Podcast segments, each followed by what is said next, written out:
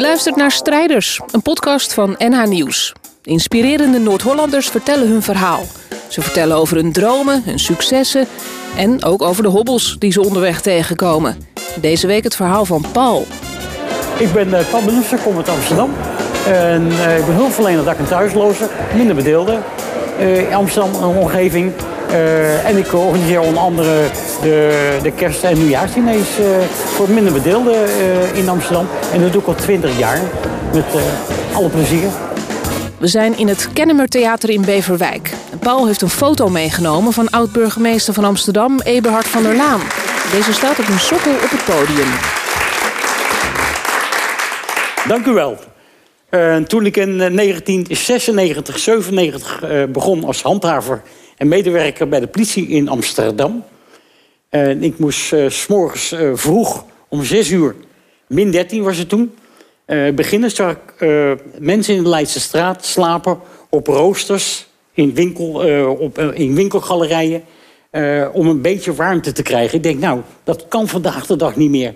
Dus ik begon bij de Febo koffie te halen toen die geopend was. En, en aan, aan, aan, aan, die, aan die dakloos te geven. Maar ja, je bent in uniform. Dus ja, ze vertrouwen niemand. Zeker niet als je in uniform bent. Uh, het heeft weken geduurd voor ik de vertrouwen kon winnen. Af en toe een biertje met ze meedrinken en dergelijke. En een gegeven moment ben ik broodjes uh, op gaan halen... en overgebleven, overgebleven etenswaren, melk en dergelijke... van de kantines van de bureaus. En die gaf ik aan, aan, aan de daklozen. En dat werd ook, op een gegeven moment werd dat ook kleding en, en, en, en, en andere dingen die ze nodig hadden. En, en nou ja, goed, ik heb dat, ik, ik heb dat uitgedeeld. Uh, een ging ik bij Centraal Station staan op een bepaald punt. uh, na mijn werktijd. Uh, en die mensen wisten dat ook dak- en thuislopen, ook minder bedeelden. En de heroïnevrouwen, hè, die achter Centraal Station lopen. Hè. Nou, die, die kwamen naar me toe. En ik, ik gaf ze eten en dergelijke. Ja, dat werd natuurlijk niet in dank afgenomen door mijn leidinggevende. Nee, want ik moest die daklozen wegjagen als honden van het Centraal Station. Dat was mijn taak. En ik trok ze naar me toe. Dus ik werd een paar op matje geroepen. Ik ben nooit gepromoveerd hoor. Ik ben nooit teamleider of zo geworden daardoor. Maar goed, ik ben gewoon door blijven gaan.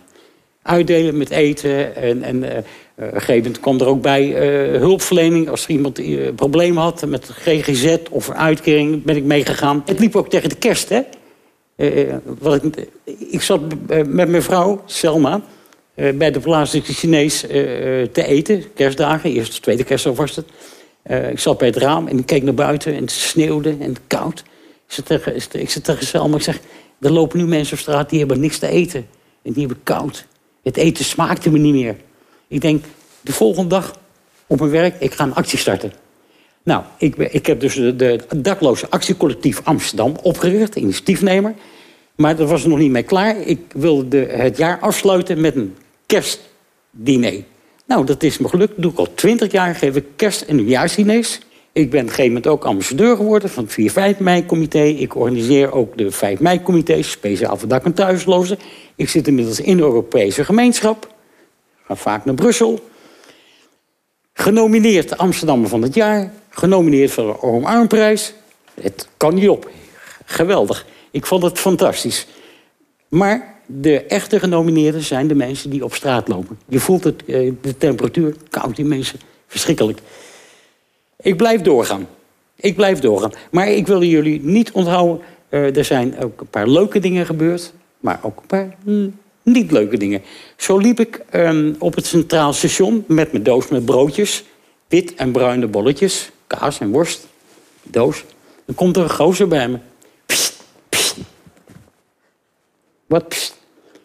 Wil je wit of wil je bruin? Wit of bruin? Ik had helemaal geen verstand van, van, van heroïne, cocaïne. Ik heb nu een cursus gevolgd. Ik heb helemaal geen verstand van. Dus ik zeg tegen hem, ik doe mijn doos open. Wil jij wit of bruin bolletje? Weg was die.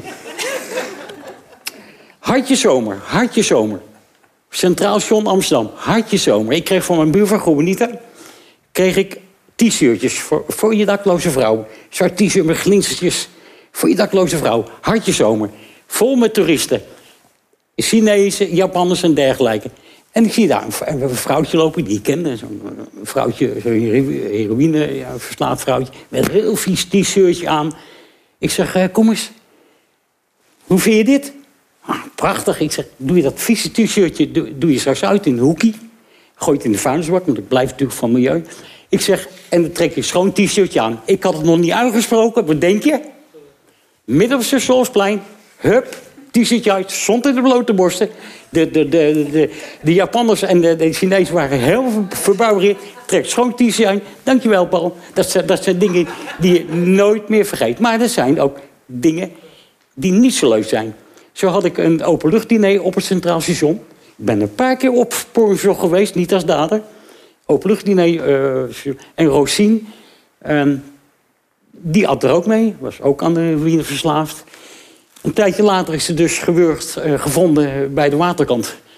Uh, en dat komt, is dus regelmatig op opsporing ge, geweest. En inmiddels is vorig jaar gelukkig een dader gepakt. Dus er zijn ook minder leuke dingen.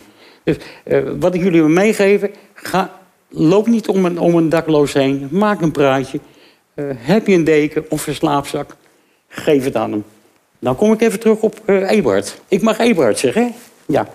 Hij is, eh, sinds zijn aantreden is hij altijd op mijn diners geweest. Ik heb hem een keer uitgenodigd, hij kwam. Hij kwam op diners. Ging tussen daklozen zitten, ging een hapje mee eten. Paul, moet ik afwassen, zei hij. Nee, burgemeester, doe niet.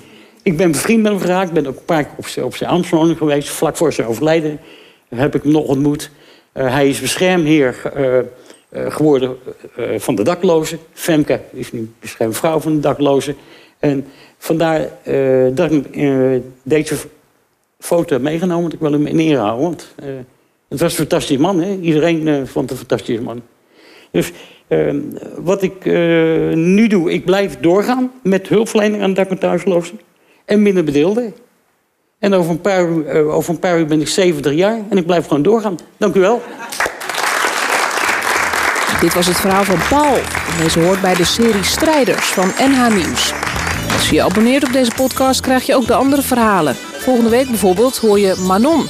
Zij richt zelf een woningbouwcoöperatie op om Wijk aan Zee weer vitaal te maken.